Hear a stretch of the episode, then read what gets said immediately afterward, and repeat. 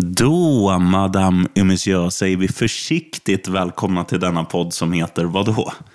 NFL med Gnistan. Och eh, undertecknad Sheriffen. Och, och jag pratar tystare än vanligt för att eh, Majsan, min eh, lady, då, ligger och slaggar här i rummet bredvid. Så jag försöker eh, visa re- respekt. Man, man vet vem det är som bestämmer det där hu- hushållet alltså. Det är hunden, Roger. Ja, ja, det är klart. Det var det jag menade. Det Ja, är ja. Roger som bestämmer hela tiden. Han är iskall. Eh, annars Ja, ja, då, fan. Olsson? Hur går det? Nej, men det rullar på bra. Jag, jag känner att eh, fan, jag har ändå ganska bra flyt den här, det här året tycker jag. Med hur jag lägger matcher och allting. Det går, det går relativt bra. Dessutom, eh, jag sa ju det förra avsnittet att jag tror att DK Metcalf, den stör mig i och för sig jävligt mycket för jag sa att han skulle göra två touchdowns. Det gjorde han också. Att jag inte la ett bett på det. För det hade nog varit ganska smakligt odds på DK Metcalf, två touchdowns. Och han har dessutom inte gjort en enda under året alltså, sen tidigare. Så det har ju varit hans första touchdown då och andra dessutom. Ja, okej. Eh, men det var kul att man satte det i alla fall. Eh, men som sagt, det, det rullar på bra. Själv då? Eh, jo, för fan. Nu märkte jag precis att jag inte har något snus här inne. Så att, eh, gagga, på du, Oh. gagga på du lite om, eh, om valfritt så hör ju jag dig ändå. För jag tar ju med mig dig och mobilen fast mikrofonen är kvar här inne. Vi, vi kan rulla det. introt. vi kan rulla introt istället så slipper, vi, slipper jag bara sitta och gaffla om någonting helt ovärt. Eh, så vi kör introt och sen är vi tillbaka.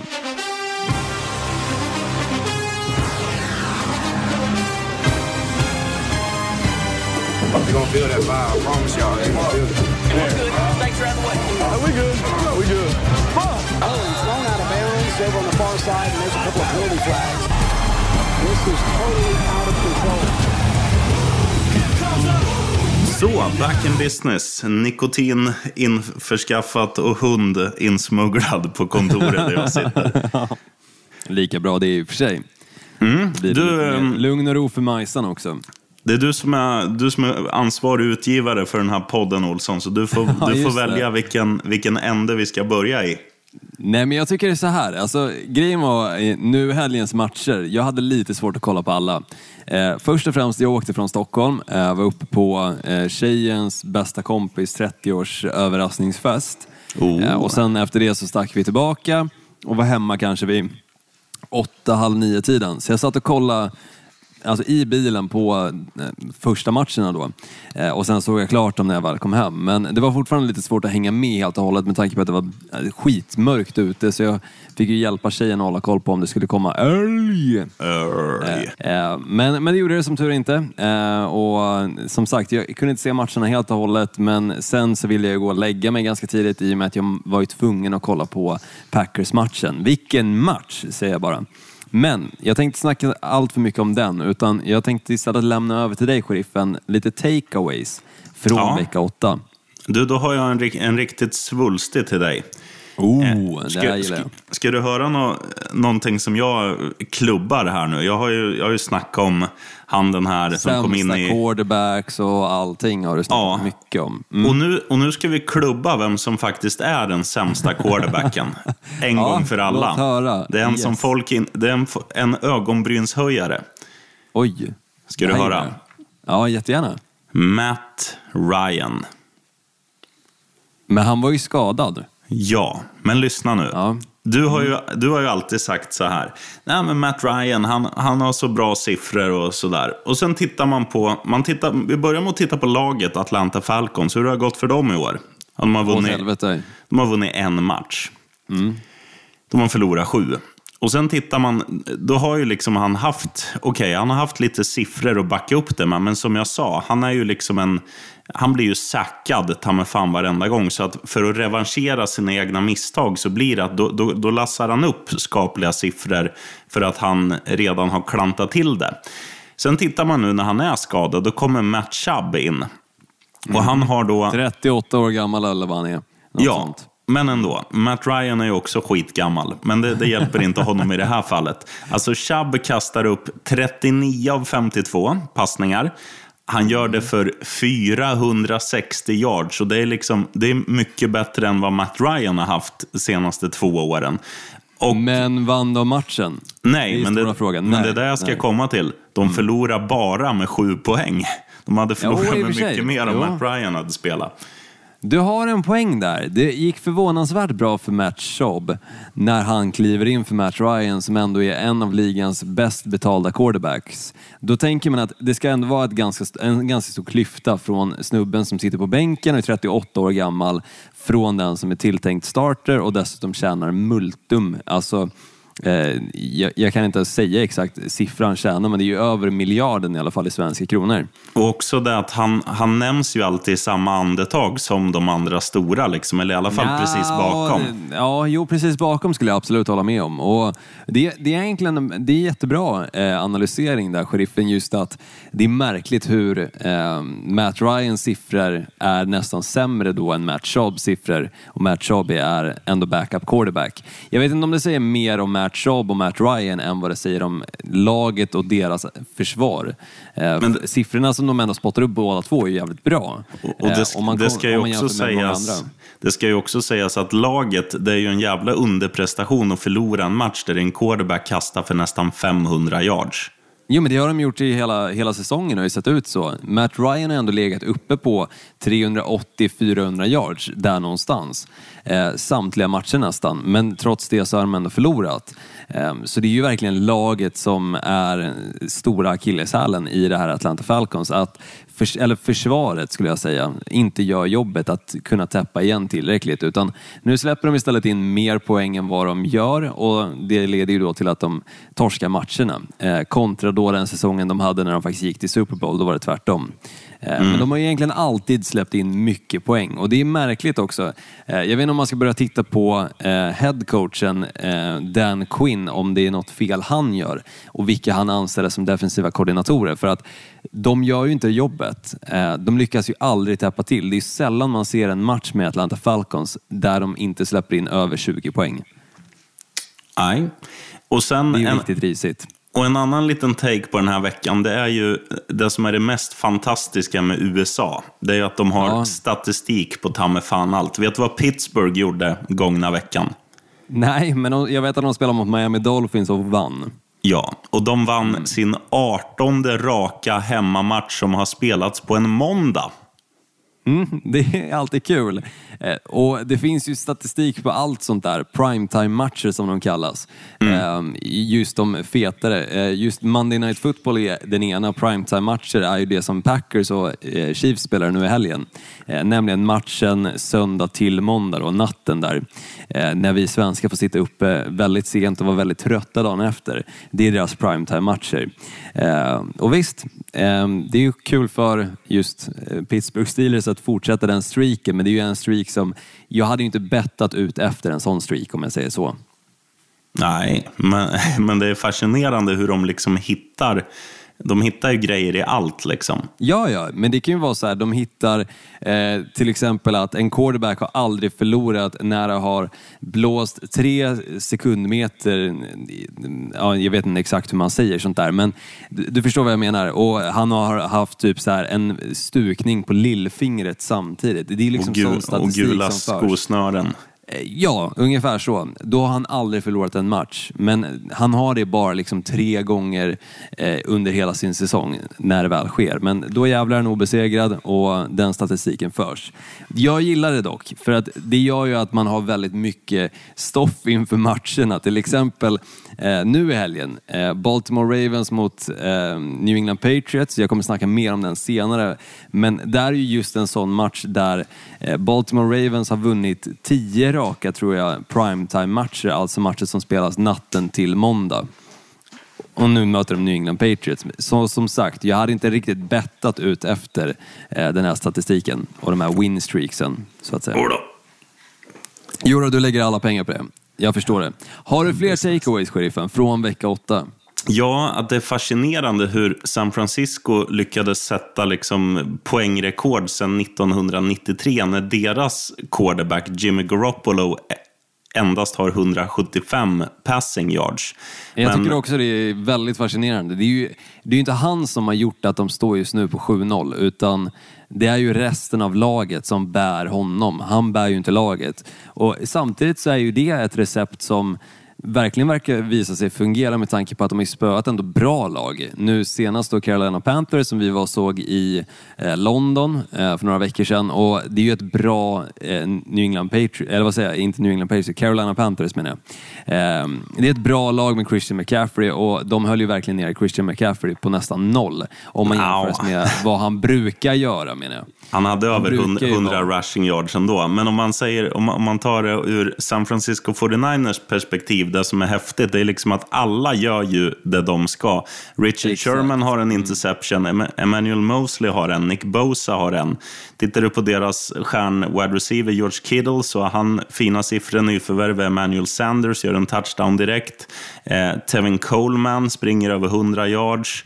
Matt Breida har en ganska dålig match, men, men ändå att man lyckas med det här. Det är liksom San Francisco 49ers är en lagmaskin och helt sinnessjukt hur man kan göra 51 poäng när din QB har så här dåliga siffror. Ja, jag vet. Men det är ju mycket tack vare de chanser de fick och den, den field precision de fick med sina, jag tror det var fyra stycken turnovers totalt. Och då sätter man ju för anfallet i en ganska bra situation där Tevin Coleman då kunde enkelt springa in bollen. Det såg, det såg inte ut som det Carolina Panthers-försvaret som vi såg i London om jag säger det så. Eh, utan de såg desto skakigare ut. Sen fick de ju vara på planen desto mer också med tanke på då att eh, Kyle Allen slängde bort bollen eh, och så vidare. Så det gör ju att anfallet är ju eh, sällan ute på planen utan det är ju mer försvaret och då blir de trötta också. Eh, så, så på så sätt så är det ändå ganska förståeligt att det går att ske 51 poäng mot 13 eh, fastän siffrorna för Jimmy Garoppolo inte är de bästa. Eh, men om jag ska nämna en sak som jag tycker är väldigt intressant just ifrån vecka 8 då, så tycker jag faktiskt det är Colts. Indianapolis Colts. Hur de i vissa matcher helt och hållet kan dominera. Det känns som att de har liksom hittat framgångsreceptet för dem och Jacoby Brissett och sen i matcher mot Denver Broncos, ett lag som man helt och hållet har räknat bort ifrån slutspelet gör ändå att det liksom blir en intressant match och Colts bjuder in Denver Broncos också i den här matchen. Jag tror att Jacoby Brissett hade knappt varit säkrad någonting innan de mötte Denver Broncos och Denver Broncos nästan kör över honom. Eh, mycket intressant och eh, framförallt hur de kommer tackla eh, den här jobbiga matchen de hade mot Denver Broncos. De lyckades trots allt ändå vinna, men det är fortfarande eh, en match som de bör se tillbaka på och ta lite lärdom ifrån. Ja, det kommer de säkert göra också. Jag, jag tror mycket, mycket handlar säkert om underskattning också. Då Den, Denver är liksom en av de stora besvikelserna i år. Colts Colts är en positiv överraskning. Och sen, Absolut. sen, sen har ju de lite otur också. att eh, Vinatieri missar ju ett ganska enkelt field goal tidigare, men får revanschera sig det sista som händer när han stänker dit den från 51 yards. Men in, i, Precis. innan det, de kunde ha avgjort det där tidigare, men det blev liksom, de satte sig själva i klistret, men, men starkt och, och liksom, eh, ja, ta tag i grejerna och fixa det ändå. Ska vi gå in på lite händelser, sheriffen? Eller vad säger du? Ja, gärna om lite Dolphins-trader. Men jag kommer inte börja där, utan jag kommer börja med det som hände för cirka en halvtimme sedan i realtid. Då. Eh, nämligen att New England Patriots släpper Josh Gordon som i nuläget är på injury reserve. Och då känner jag att det finns ju ganska många lag som kanske skulle behöva lite förstärkning på wide receiver-positionen. Vem tycker du borde nappa först? Eh, jag skulle säga Pittsburgh. Pittsburgh ändå av alla lag. Ja, för att eh, om du tänker så här, vad har, vad har liksom kännetecknat Pittsburgh de senaste åren? Det har, det har varit Wide att de har haft, ja, och strulpellar. Alltså Antonio Brown som, som nummer ett. Och, Ja, och det verkar ju som att det funkade ganska bra för honom i Pittsburgh. Och Mm varför inte liksom ta in en, där man liksom kallar, man kallar ju de bästa spelarna för franchise-spelare.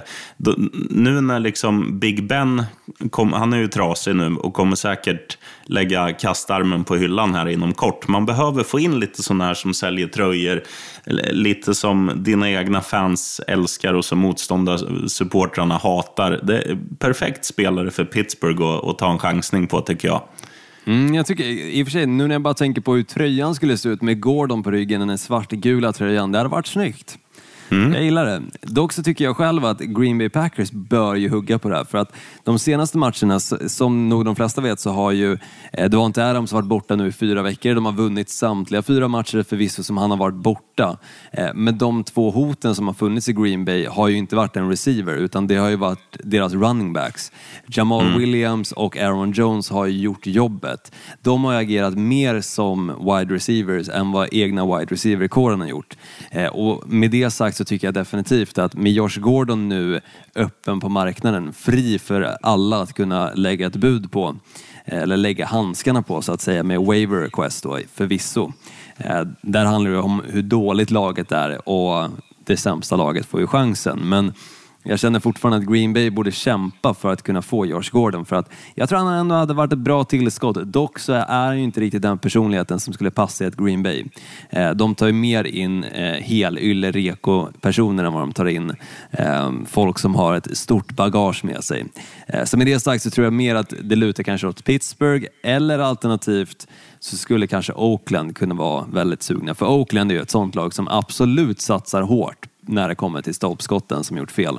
tidigare. jag, tror man lä- jag tror man lärt sig eh, under sommaren. Men eh, skulle jag få lägga upp ett annat scenario hur, hur lag kan tänka. Det är ju Tennessee Titans som står och, och trampar nu på liksom, blir det här en bra säsong eller blir det en dålig säsong? De står på 4-4 just nu, vann i helgen mot Tampa Bay hemma, trots att Ryan Tannehill spelar, får man säga.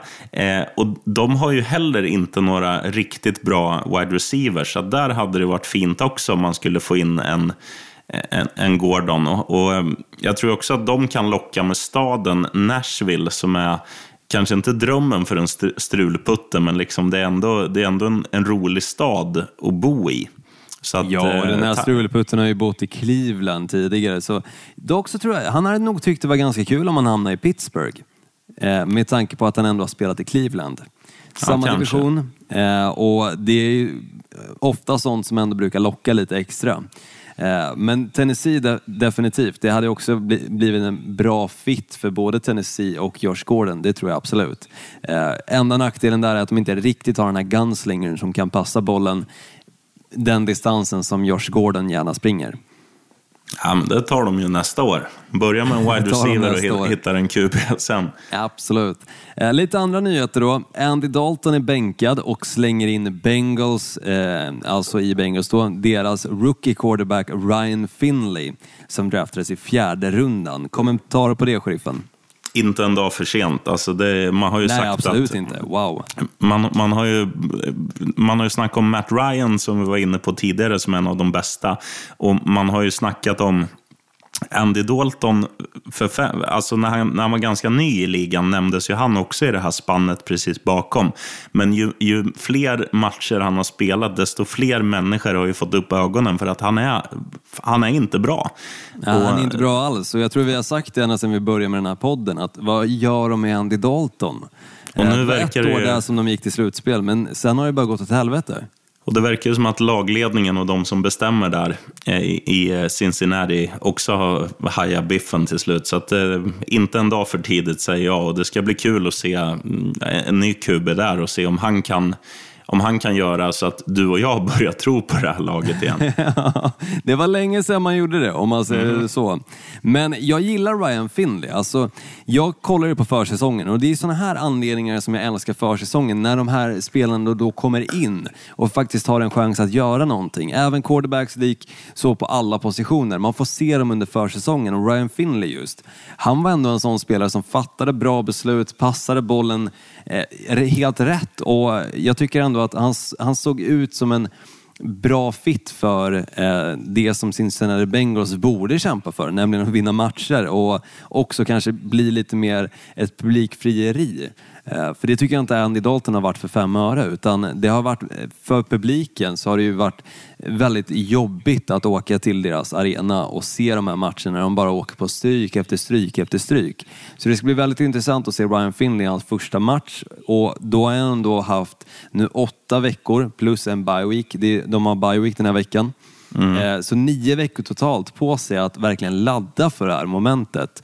Eh, Och tackla det här på absolut bästa sätt och jag hoppas han, verkligen att han gör det. Eh, Det ska bli superspännande att se vecka 10 när Ryan Finley kommer att få spela. Jo. Till ett annat lag då. JJ Watt är ute resten av säsongen och hur kommer det egentligen påverka Texans och deras chanser för slutspel? Eh, Det kommer ju påverka en hel del, för det är ju liksom en, en nyckelkugge i, för- i försvaret. Men det, det känns ju också som att det här händer varenda säsong. Att JJ Watt spelar halva säsongen och sen, sen missar han. Det är kanske jag som har fått dem bakfoten, men det är liksom Nej, min, nej, men min alltså, känsla. jag, jag håller med. Det kändes som när jag skrev in det här i mina anteckningar så var det copy-paste från ett av de tidigare säsongerna. Ja. Eh, det är nästan alltid så här. Jag tror förra året var nog det året han faktiskt kunde avsluta nästan samtliga matcher. Det kanske var två matcher han missade. Eh, men tidigare så tycker jag att det verkligen är att han är väck rätt ofta. Eh, Och um, det är ofta Texans får ställa sig i situationer där de saknar JJ Watt extremt mycket och nästan tappar det här liksom momentumet som de har under säsongen när han väl försvinner. För att han är ju en väldigt stor kuggbit, eller kugge i det här försvaret, men också i laget. Att vara ute på planen, att stå på sidlinjen och vara den här taggade JJ Watt, det gör väldigt mycket för Houston Texans. Visst, han kommer fortfarande stå på sidlinjen och tagga igång alla, men det är inte riktigt samma sak. Det är en annan känsla när man står där med skydden på och verkligen kan liksom ägga igång sina medspelare. Eh, Så jag tror att det kommer bli tufft för eh, Texans utan JJ Watt i vanlig ordning när han väl försvinner. Nej, jag tror också det. Jag tror, jag tror att de, de missar slutspel till och med på grund av det här. Eh, något- Absolut, med tanke på hur bra Jacksonville Jaguars går också. Mm, och vem har det på sin kupong? Jo, det är undertecknat. Men det jag skulle säga, det var ju att eh, ett litet tips till alla som inte har sett det här. Om man, om man går in på YouTube och skriver JJ Watt mic'd up. Det finns mycket godis där. Han är trevlig att lyssna på. Ja, han är, han, är- han är fin på sitt sätt, om jag säger så. Lite som du, Olsson. Ja. ja, lite som jag. Absolut. Jag och JJ Watt, vi faller under eh, samma stam. Skadat gods. Skadat gods, absolut. Eh, De fick dra ut oss och råka tappa oss på eh, golvet där på sjukhuset när vi väl Mhm. föddes. Så var det. Eh, Kenyon Drake. Nu kommer vi till Miami Dolphins-sheriffen. Han försvann innan trade deadlinen nåddes. Och nu är han istället en running back i Arizona Cardinals. Ja, och ehm, nu är ju Johnson, running backen i Arizona, skadad. Jag vet inte när han eh, beräknas vara tillbaka. Har du koll på det? Inte jag heller, men jag vet att det snackades om att han skulle vara tillbaka den här veckan. Men nu är han inte det och då kan de istället testa Kenyon Drake, nytillskottet. Som jag tycker, jag förstår inte hur Miami Dolphins, om jag bara får säga det själv, jag förstår inte hur de alltid lyckas få fram bra running backs och när man väl känner att det här är en running back de verkligen kan satsa på, då gör de sig av med dem. Ja, nej, jag tycker också det är jättekonstigt resonemang från, från Dolphins. Men eh, man ska säga att det, det är bra scoutat av Arizona. För att om man tittar på Kenyon Drake i år så har han inte varit jättebra. Men han var jättebra i fjol när han hade Frank Gore som, som polare och liksom avlastare. Att det, är, det är väl någonting i hans kondition att han inte orkar spela två eller tre snaps på raken. Utan han, de måste...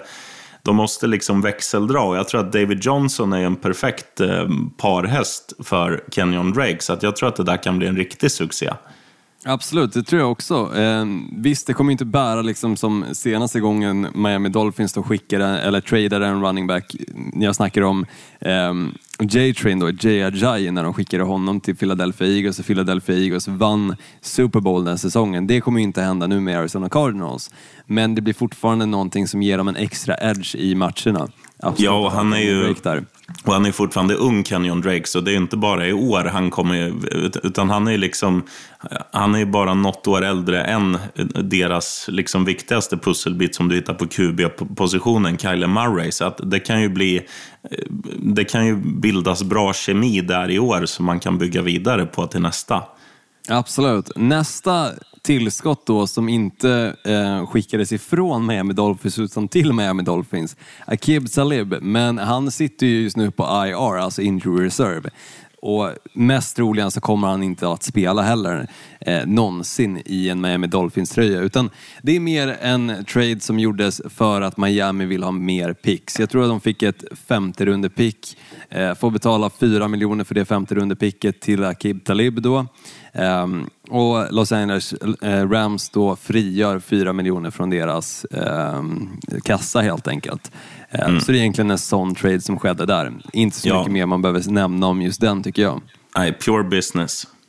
Pure business och pure tanking också, kan man kalla det. Ja, då, Eh, Jo- det visste man ju redan. Ja, jo, men det, det är ju rätt solklart vid det här laget, om man säger det så.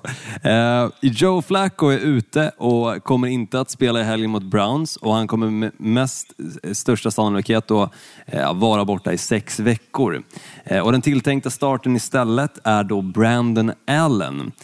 Här är en spelare som jag har noll koll på, eh, vilket känns väldigt roligt just att få se Brandon Allen då i den här matchen mot Cleveland Browns i helgen. Och det kan vara bra eller dåligt för Browns känner jag. Det kan bära eller brista. Det kan vara att de äntligen hittar den här quarterbacken som de har letat efter sen Peyton Manning gick i pension. Eller så blir det som en riktig flopp som vi har fått se så många gånger i det här Denver Broncos när de testar nya quarterbacks. Eh, men jag- Men trots det, spännande. Jag tror att man måste ge dem mer tid. Alltså alla de här Paxton Lynch-figurerna och de här som har kommit in och fått göra en match. Liksom, det går inte att bevisa att du ska, att du ska bli NFL-starter i din första match. För det är så mycket Absolut annat som inte, nej. påverkar. Det är nerver och det är...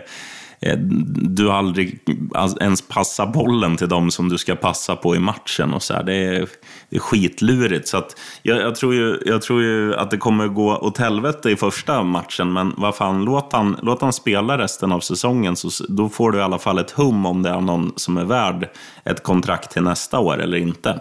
Absolut. Märkligt dock att de inte slänger in Drew Lock som ändå de plockade i årets draft då. Eh, Det hade ju kanske varit, enligt de flesta som eh, följde draften, följde rookies och så, eh, kanske det givna valet som starter. Men de måste helt enkelt ha sett någonting annat i Brandon Allen för att välja att starta honom framför Drew Lock. Eller så har Drew Lock helt enkelt inte levererat någonting på träningarna. Eh, Så kan det också vara. Över till lite rookies, sheriffen. Jag nämnde förra veckan att det var en väldigt dålig vecka för våra fina rookies. Det var tvärtom nu kan jag säga. Väldigt mycket tvärtom. Vad de levererade. Eh, och det är roligt också, jag, jag måste nämna det här bara eh, som en liten notis. Men jag har i ena fantasyligan som jag är med i ett komplett lag med bara massa rookies. Och för första gången någonsin under den här säsongen så lyckades mina rookies att vinna en match åt mig. Det säger bara hur bra alla rookies var förra veckan alltså. Är det nu man ska säga grattis? Ja, jag tycker nästan det. Jag, jag var 0-7, nu är jag 1-7. Så det är ju åtminstone eh, ja, men lite tröstpris för mig. Och framförallt du är för mitt bättre lag än också. Dolphins. Jag är bättre än Dolphins, absolut. Och då har jag bara rookies. Tänk på den. Ja, det är nästan vi Ja. också, förutom Fitzpatrick. Men, men grattis! ja, tack. Eh, Men i alla fall, tredje platsen Nick Bosa, defensive end i 49ers, draftades i första rundan. Fjärde overall, eller om det var tredje overall tror jag. Nej, det var till och med andra overall eh, faktiskt, nu när jag tänker på det. Andra overall av 49ers. Eh, fyra tacklingar hade han, en interception och tre stycken sacks mot Panthers. Det är ändå jäkligt bra att få tre sax på en match. Ja, han är grym. Andra platsen, våran gamla hjälte. Eh, hyllade honom i en match och sen har vi inte snackat jättemycket om honom sen dess. Framförallt inte i positiv bemärkelse. Daniel Jones, quarterback i New York Giants. Vilken match han ändå hade. 28 completions för 322 yards och fyra touchdowns. Dock så skedde det här i ett skede som ändå kändes att Lions redan hade vunnit matchen. Eh, så några av de här touchdownen kändes lite som tröst-touchdowns. Eh, Även om det också gav i och för sig New York Giants en stor chans att faktiskt kunna ta hem matchen, eh, vilket de tyvärr inte gjorde. Och första platsen då. Kan du gissa, sheriffen? Gardner Minshew. Ja, men det är ju, det är ju såklart. Det finns ingen annan. Gardner fucking Minshew alltså. Quarterback i Jacksonville Jaguars. Vilken hjälte! 22 completions. Sex stycken mindre än Daniel Jones. Ändå så hade han bara 10, nej okej jag ska vara ärlig och säga 15 yards mindre än Daniel Jones. Men som sagt, 22 completions, 307 totala yards och tre touchdowns. Men han lyckades ju också vinna sin match. Det är lite skillnad där. Vinner Nej, han är- matchen han är så är det bättre rankat än den som ändå slänger för fler touchdowns tycker jag. Mm, absolut. You stupid. Not. What's 9 plus 10? 21? You stupid. Nej, men jag snackar lite om, om eh, hur det ser ut för Tennessee Titans. L- lite bära eller brista. Man står på 4-4. Tittar man på deras eh, holmgång i helgen så ska ju de åka till Carolina Panthers och spela i Charlotte. Då. Eh, Carolina hemma mot Tennessee för dig som inte fattar mitt svammel där. Och det som, är, det som är så intressant med den här matchen det är just det att Carolina har ju varit liksom en positiv överraskning hela säsongen fram till gångna veckan när man gick verkligen på pumpen på bortaplan mot San Fran. Eh, och nu är ju frågan, för, för en av säsongerna kommer ju leva vidare och, och drömmen kommer mer eller mindre grusas för andra laget, de som, de som förlorar den här matchen. Så ja, vad händer? Är det Krille McCaffrey och grabbarna som fixar biffen på hemmaplan eller är det Ryan Tannehill och det märkliga laget Tennessee Titans som, som tar en skalp här? Väldigt ovisst. Carolina är dyngfavorit, eh, motiverad sån, absolut, men Nej, det här, eh, den här matchen tycker jag ska bli jävligt häftig. Mm, väldigt intressant match och också så tror jag att det här kommer faktiskt vara en sån match som det kommer bli ganska poängrik tror jag. Mm, Eh, jag tror inte att eh, du ska betta på att det ska vara under 42 poäng utan betta över kanske 45 poäng. Det bör kunna gå in. Ja, och till ett bara, ganska skapligt odds också. bara Krille McCaffrey spottar upp 30 by himself, så att det där är lugnt. Exakt, jo jo. Så är det ju. Min match då. Jag kommer rikta in mig på två lag som jag inte är ett jättefan av, men däremot så gillar jag försvaret i det ena laget och jag älskar i och för sig quarterbacken i det andra. Jag snackar om New England Patriots borta mot eh, Baltimore Ravens. Det här är en match där jag tror Patriots kan ställas emot det tuffaste eh, laget den här säsongen. De hade ju en match mot Buffalo Bills där det kändes som att den verkligen kunde gå åt ena eller andra hållet. Men sen dess har det varit en enkel, alltså enkel väg mot att ha ett eh, icke-förlorande resultat helt enkelt. För New England Patriots räkning. Men som sagt, Baltimore Ravens är ett helt annat lag. Vi snackar om en quarterback som kan springa med bollen precis som en running back. Han kan, alltså han är ju briljant just, um, Lamar Jackson pratar jag om. Sen har de också running backs i till exempel eh, Mark Ingram som har gjort det väldigt bra sedan han kom till Baltimore Ravens. Tillskott därifrån från eh, New Orleans Saints från förra året då. Eh, och deras försvar är ju inte heller pissblöt. Eh, med Earl Thomas till exempel i spetsen och så. Eh, så det här kommer vara ett tufft lag för New England Patriots som är obesegrade än så länge att ta sig an. Och dessutom som jag nämnde, 10-0 just nu har eh, Baltimore Ravens sedan 2011 i primetime-matcher. Nog förvisso så skulle jag inte betta på det, som jag sa tidigare i avsnittet, men däremot så är det ändå någonting som kanske för vissa kan tala för Baltimore Ravens. Och tittar man på oddset också så står inte Baltimore Ravens, som de flesta andra lagen som har mött New England Patriots det här året, på ett riktigt risigt odds. Och då snackar jag om kanske fem gånger pengarna, utan nu istället men- så står de på du menar 2,85. Ja, Du väldigt bra. Olsson? Jo, jo. Men det är ju risigt att satsa på sådana matcher, det ska man inte göra. Eh, men däremot här, det finns absolut en eh, möjlighet att det här kommer vara en match där Baltimore Ravens hänger med. Och det betyder att det kan finnas chans att lägga plus handikapp på Baltimore Ravens. Eh, för jag hoppas och tror att det här kommer bli en rolig och sevärd match kontra många av New England Patriots andra matcher i år. Eh, så den kommer jag definitivt försöka sitta uppe för att kolla. För den spelas alltså natten till måndag. Mm. Jag ska säga så här, jag tror Baltimore vinner den här matchen och anledningen är om man tittar på matchen du var inne på mot Buffalo Bills. Buffalo hade ju den matchen så länge Josh Allen var på planen. Sen ådrog han sig någon lättare hjärnskakning så han var tvungen att utgå och när då hans backup kom in så blev det ju pannkaka för han kastade bort många bollar. Josh Allen är ju precis som eh, Lamar Jackson väldigt mobil och, och liksom kan absolut. springa själv. Så jag, jag tror fan Baltimore knipper det där.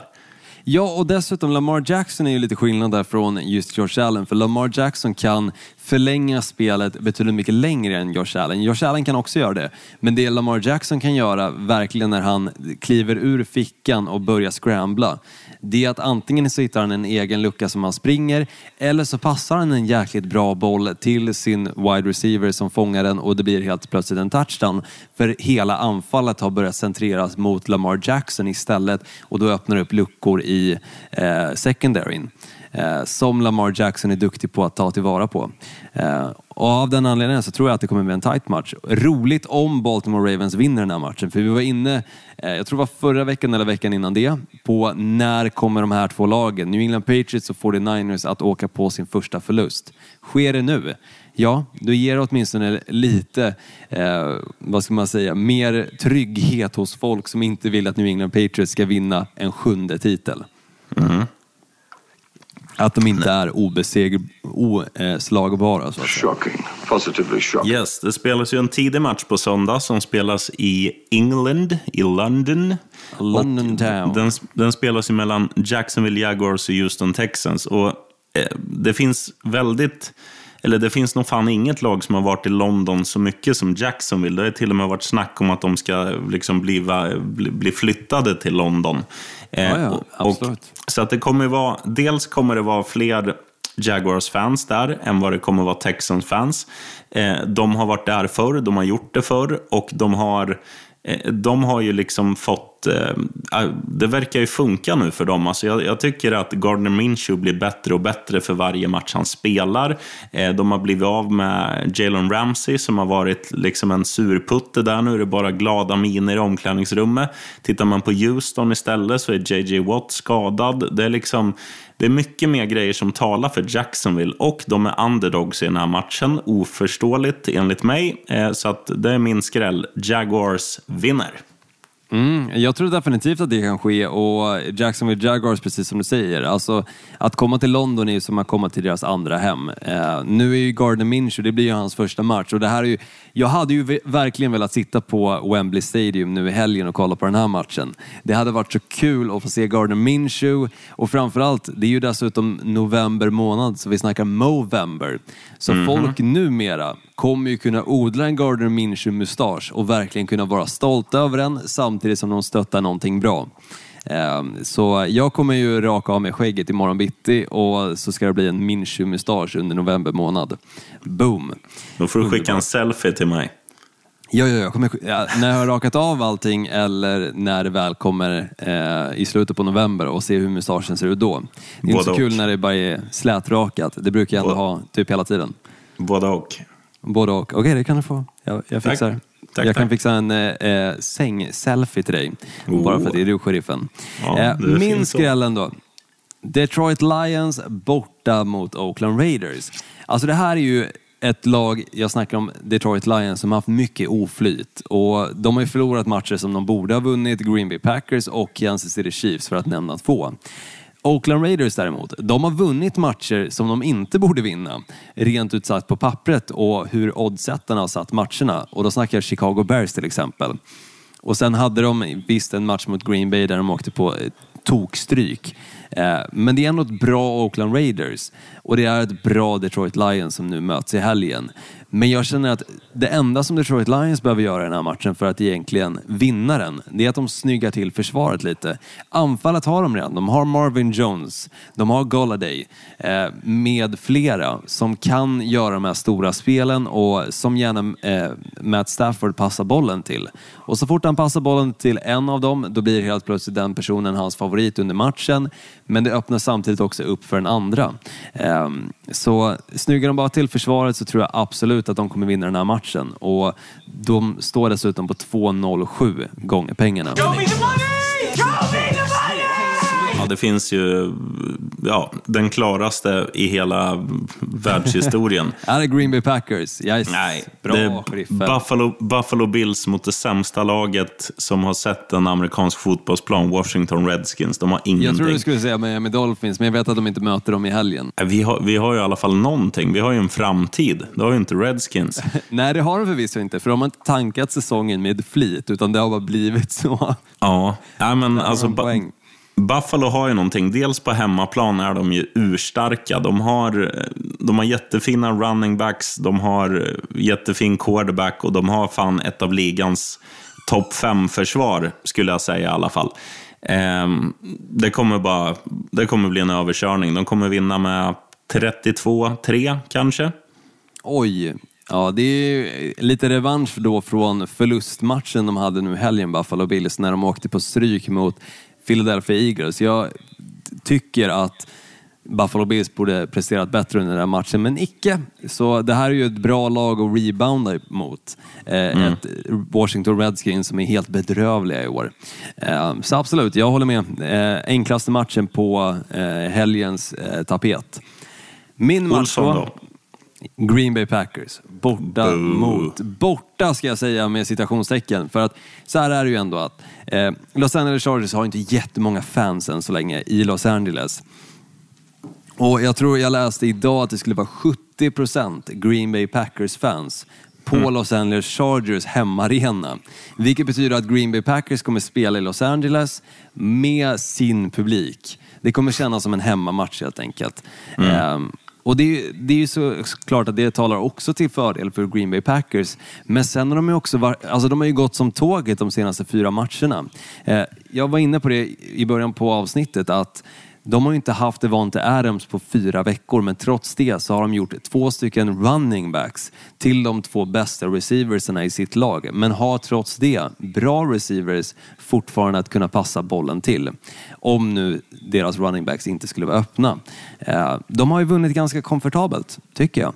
Eh, så det här mot ett Los Angeles Chargers som är inte alls det laget som man trodde de skulle vara i år. Och Melvin Gordon är inte alls den spelare man trodde heller att han skulle vara och han har ju dessutom inte blivit tradad så han är kvar.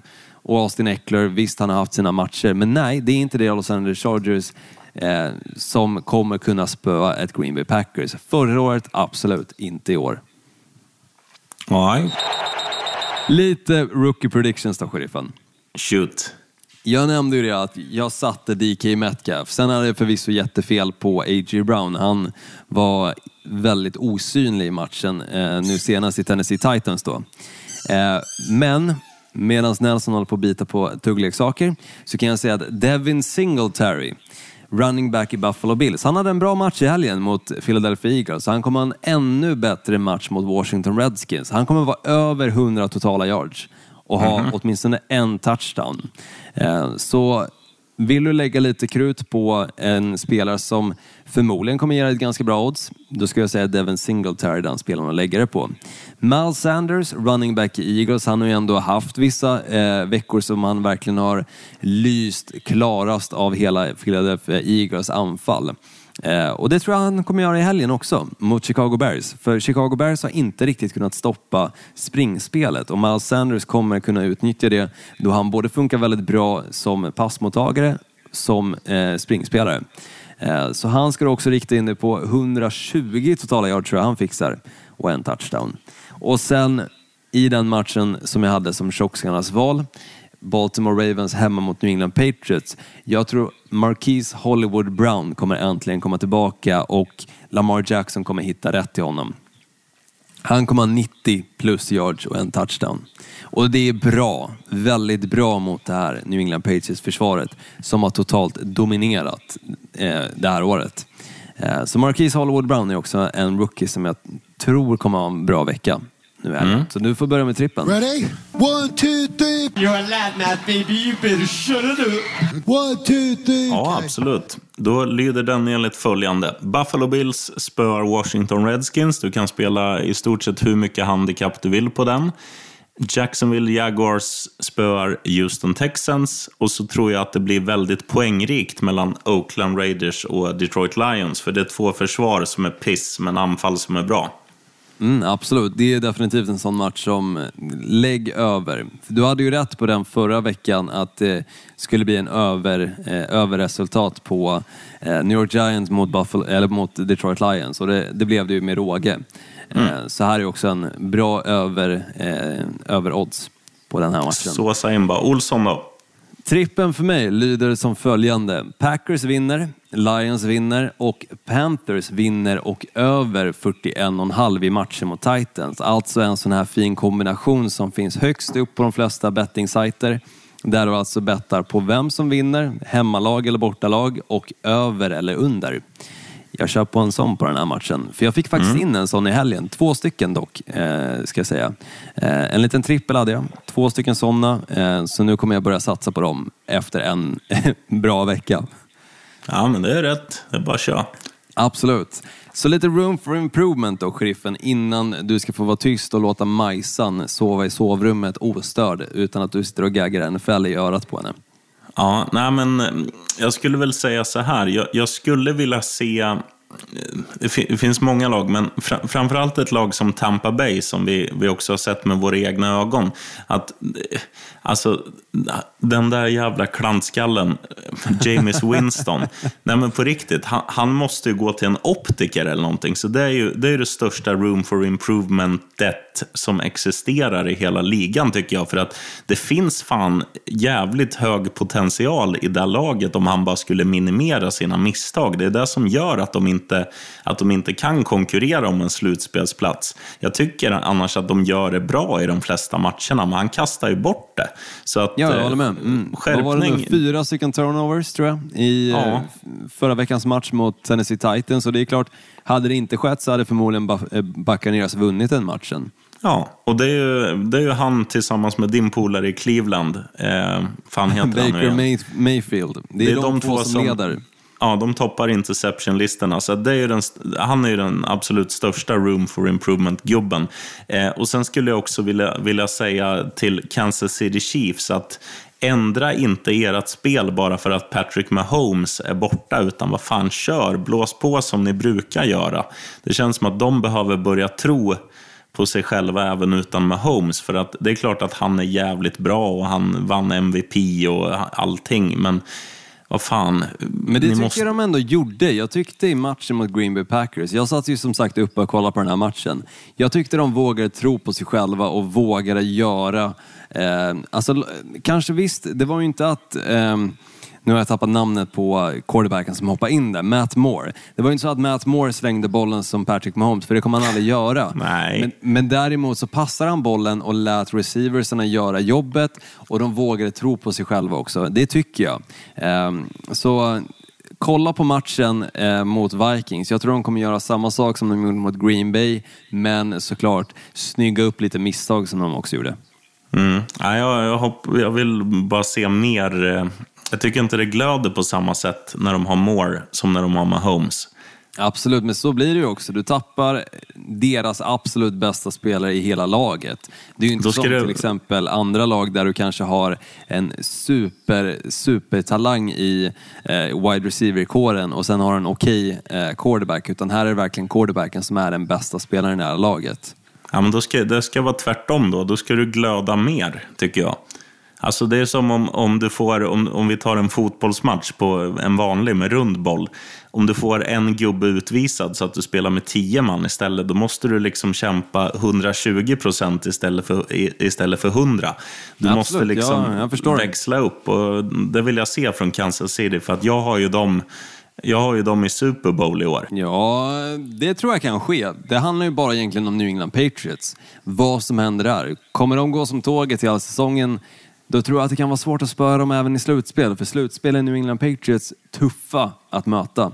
Och framförallt om de går obesegrade så kommer de bara ha hemmamatcher. Och åka till eh, Foxborough, eh, Gillette Stadium, en bortamatch, eh, det är tufft att spöa New England då i slutspelet.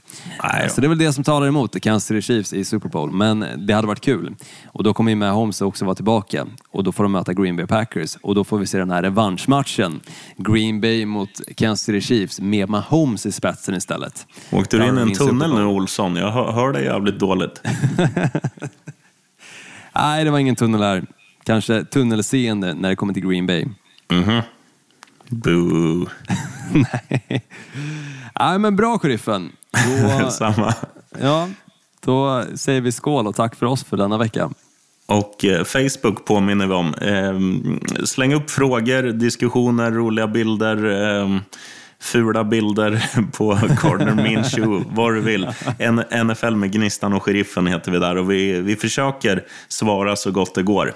Absolut, det gör vi. Ehm, så joina och ehm, ja, var med helt enkelt. Där det händer. Du, Lite eh, grann åtminstone. Olsson, ja. klappa, eller ut och skit med hunden så hörs vi. ja, det ska jag göra. Skål på dig. Hej! Right on. Pass out of the backfield, right? Bozzy Whitaker back toward the middle of the field to the 40, the 35, breaking tackles.